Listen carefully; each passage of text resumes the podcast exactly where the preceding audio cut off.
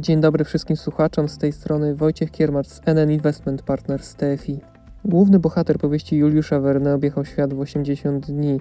Ja z Marcinem Adamczykiem z grupy NN zwiedziłem świat obligacji rynków wschodzących w niecałe 15 minut. Marcin jest dyrektorem Departamentu Długu Rynków Wschodzących w haskiej siedzibie NN, NN Investment Partners. Na co dzień zarządza zespołem rozsianym po całym świecie, ale w dzień zaprzysiężenia Joe Bidena na prezydenta znalazł czas, żeby spotkać się ze mną i przybliżyć mi temat obligacji rynków wschodzących. Serdecznie zapraszam na rozmowę. Wojciech Kiermacz, NN Investment Partners TFI. Uśmiecham się, bo przede mną siedzi wyjątkowy gość. Jest ze mną Marcin Adamczyk. Porozmawiamy o Twojej pasji, o Twojej codziennej pracy, właśnie o długu rynków wschodzących. Zróbmy sobie taką podstawę do tej rozmowy, bo tak, wiemy, jaki jest polski klient funduszy inwestycyjnych. To znaczy, no przede wszystkim, jeżeli już inwestuje w te fundusze, to to są fundusze dłużne, ale polskich obligacji, albo to są jakieś uniwersalne strategie, gdzie jest tam namiastka obligacji korporacyjnych. Jeżeli już wychodzi za granicę, no to fundusze obligacji amerykańskich, europejskich, rzadko są to fundusze obligacji rynków wschodzących właśnie. I powiedz mi, czy ty zgadzasz się z taką tezą, że ta klasa aktywów to jest y, ciekawa alternatywa e, dla, dla inwestorów tutaj w Polsce? Zdecydowanie. To znaczy tak, może zaczynając od takiego globalnego spojrzenia, dwie trzecie światowych obligacji rządowych w tym momencie oferuje ujemną, realną rentowność. To znaczy porównując je do bieżącej stopy inflacji w danym kraju, tracimy pieniądze w realnym sensie inwestując w te obligacje. Największy rynek obligacji skarbowych, wspomniałeś Wojtku, obligacje amerykańskie, tak zwane treasury'sy, przy rentowności obecnej na poziomie 1%, 1,10% e, oferują ujemną stopę realną na poziomie 100 punktów bazowych, czyli 1%. Podobnie polskie obligacje. E, mamy tu do czynienia z jedną z najbardziej ujemnych re, re, realnych rentowności, jeśli chodzi o całe spektrum rynków wschodzących. Tak. Dzisiaj Dziesięciolatka Polska jest na poziomie 1,15 oprocentowania. Jak patrzymy na krótsze zapadalności, to mamy jeszcze niższe rentowności. Na inflacja wiemy dobrze, że jest na poziomie 2,3-2,5%.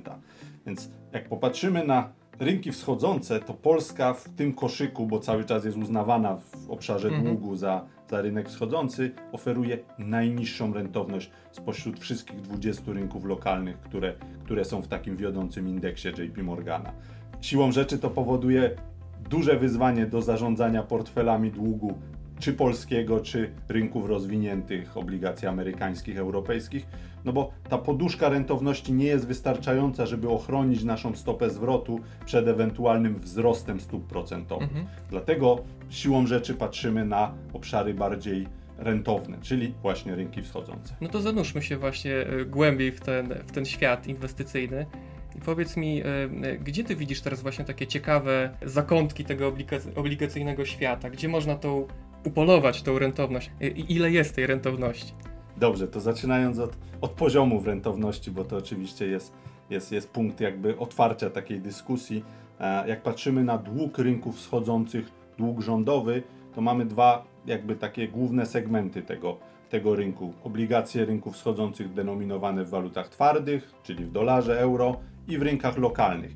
Jak popatrzymy na rentowność, którą obydwa te segmenty oferują, to jest uśrednione 4 do 5% w tym momencie.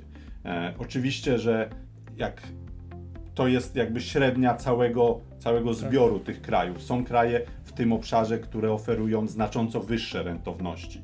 Przypadku długu dolarowego wszystkie kraje takie najsłabiej rozwinięte, czyli z obszaru tak zwanych frontier markets, oferują rentowności na poziomie 7%. A w rynku lokalnym, jeśli chodzi o obligacje lokalne, no to można popatrzeć w ten sposób. Polska oferuje tak średnio ważona 0,5%, ale na przykład Kolumbia oferuje 5%, Brazylia oferuje ponad 6%. Republika Południowej Afryki na długim końcu krzywej oferuje 10%.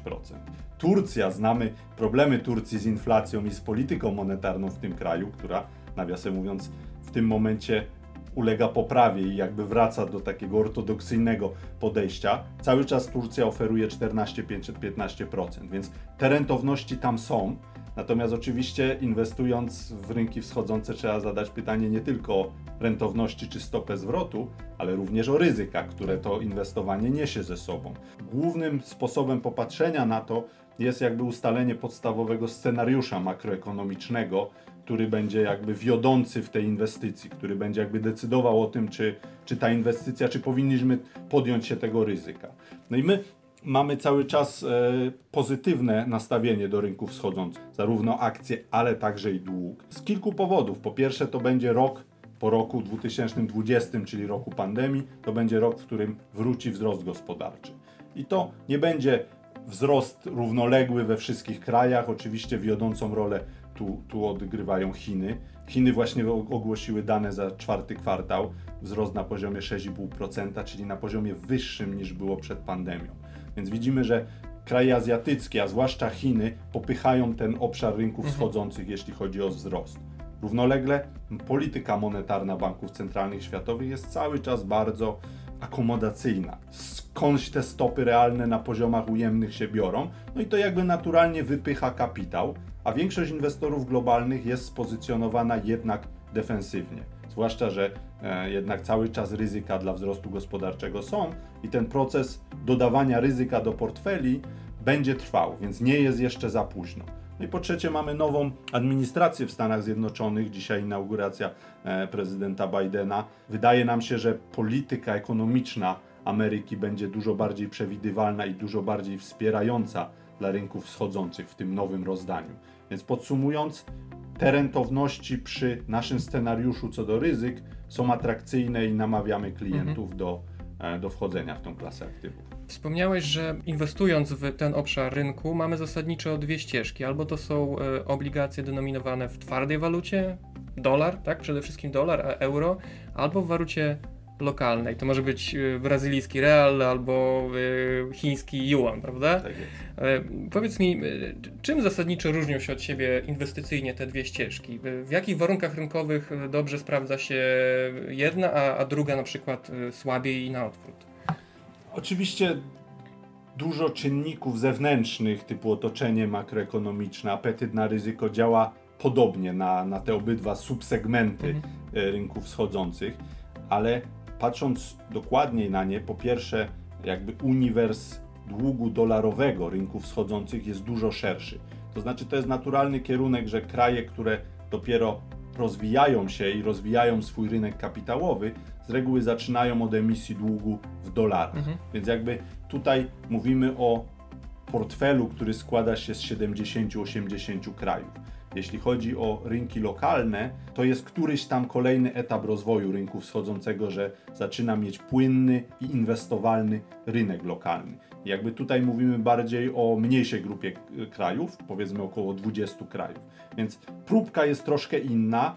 E, można powiedzieć, że ten e, zestaw krajów w walutach lokalnych to są kraje jakby na troszkę wyższym poziomie rozwoju i też z wyższym ratingiem kredytowym niż jakby łączny e, uniwers długu dolarowego. Tam są też te kraje frontier. Przede wszystkim, jeśli patrzymy na inwestowanie w te dwie klasy aktywów, no to inwestowanie w dolarze to jest rynek tak zwany spreadowy. Porównujemy go na przykład z amerykańskimi obligacjami e, o wysokiej rentowności przedsiębiorstw, prawda? Tutaj patrzymy, jaki jest spread kredytowy ponad amerykańską obligację dziesięcioletnią za podjęcie ryzyka inwestowania w rynki wschodzące. Więc głównie mamy tu ryzyko kredytowe mhm. oraz ryzyko stopy procentowej wynikające z amerykańskiej stopy. Nie mamy tu ryzyka walutowego. I to przede wszystkim jest to, co odróżnia tą inwestycję, że inwestując na rynkach lokalnych, ta ekspozycja bierzemy ją razem z ryzykiem walutowym. Jest to dodatkowa warstwa. Jest to tego. dodatkowa warstwa, natomiast bardzo istotne jest, że często patrzy się w oddzieleniu na to, co dany lokalny rynek, jaką stopę zwrotu ma, ale tak naprawdę jako inwestor my musimy przejść przez walutę, więc dla nas zawsze będzie się liczył i będzie, będzie jakby decydował o inwestycji łączna stopa zwrotu wraz ze stopą zwrotu z, z waluty. Więc jakby to jest ten czynnik dodatkowy ryzyka, powoduje, że to jest pewien sposób inwestycja dla innego typu inwestora. Być może podobnego, ale jednak świadomego tego dodatkowego mhm. czynnika ryzyka.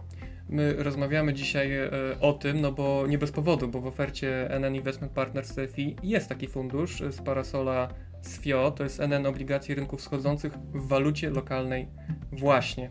Jak to w parasolu SFIO on inwestuje w tytuły uczestnictwa w funduszu y, z grupy, zagranicznej grupy NN.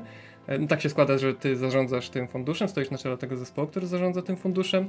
No i powiedz Marcin, co to jest za fundusz? Jakie obligacje w nim znajdziemy? Co musi się stać, żeby te obligacje do tego portfela padły, żeby tam się znalazły? Na czym tak naprawdę, na, naprawdę robicie wynik? To jest fundusz, który bardzo bliski mojemu sercu zresztą. E, który inwestuje w zdywersyfikowany portfel obligacji rynków wschodzących w walucie lokalnej, czyli wchodzimy na każdy lokalny rynek. To są rynki zarówno duże, typu na przykład 10% udział w portfelu czy w indeksie rynku chińskiego. Wiemy, że to jest drugi największy rynek obligacyjny na świecie po amerykańskim w tym momencie. Jest to jakby ważny składnik tego typu portfela i w tym momencie to chyba jest najbardziej gorętsza klasa aktywów obligacyjnych na świecie, patrząc na zainteresowanie inwestorów. Więc zarówno duże rynki lokalne, również rynki tutaj europejskie typu Polska, Czechy, Węgry, Rumunia, ale także patrzymy na wszystkie regiony, inwestujemy praktycznie ca na, całym, na całym świecie, czyli mamy z Ameryki Południowej Meksyk, Brazylię, Kolumbię, e, z Azji to jest Indonezja, Malezja, wspomniane Chiny, więc jakby zdywersyfikowany portfel, który daje inwestorom ekspozycję na bieżącą rentowność na poziomie 4,5-4,3%. Jeśli stopy będą spadały na tych rynkach, zarówno na krótkim końcu, czyli jeśli będą dalsze oczekiwania albo realizacja obniżek stóp procentowych w tych krajach, no to krótki koniec krzywej będzie tutaj jakby wspierany, będzie schodził. Również jeśli wzrost gospodarczy będzie e, poprawiał się na tych rynkach, to premia za ryzyko inwestowania tam będzie spadać, czyli rentowności będą znowu schodzić.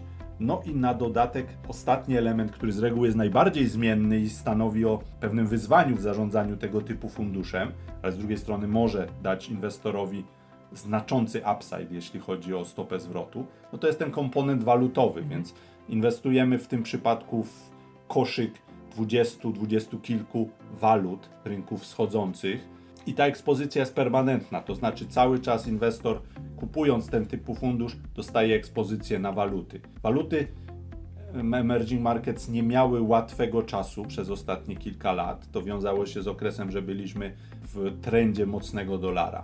Cały czas amerykańska gospodarka, amerykańskie stopy były, rozwijała się dobrze, stopy były relatywnie wysoko, plus polityka prezydenta Trumpa America First, to wszystko powodowało, że dolar był mocny. Teraz widzimy od jakiegoś czasu początki odwracania się tego trendu.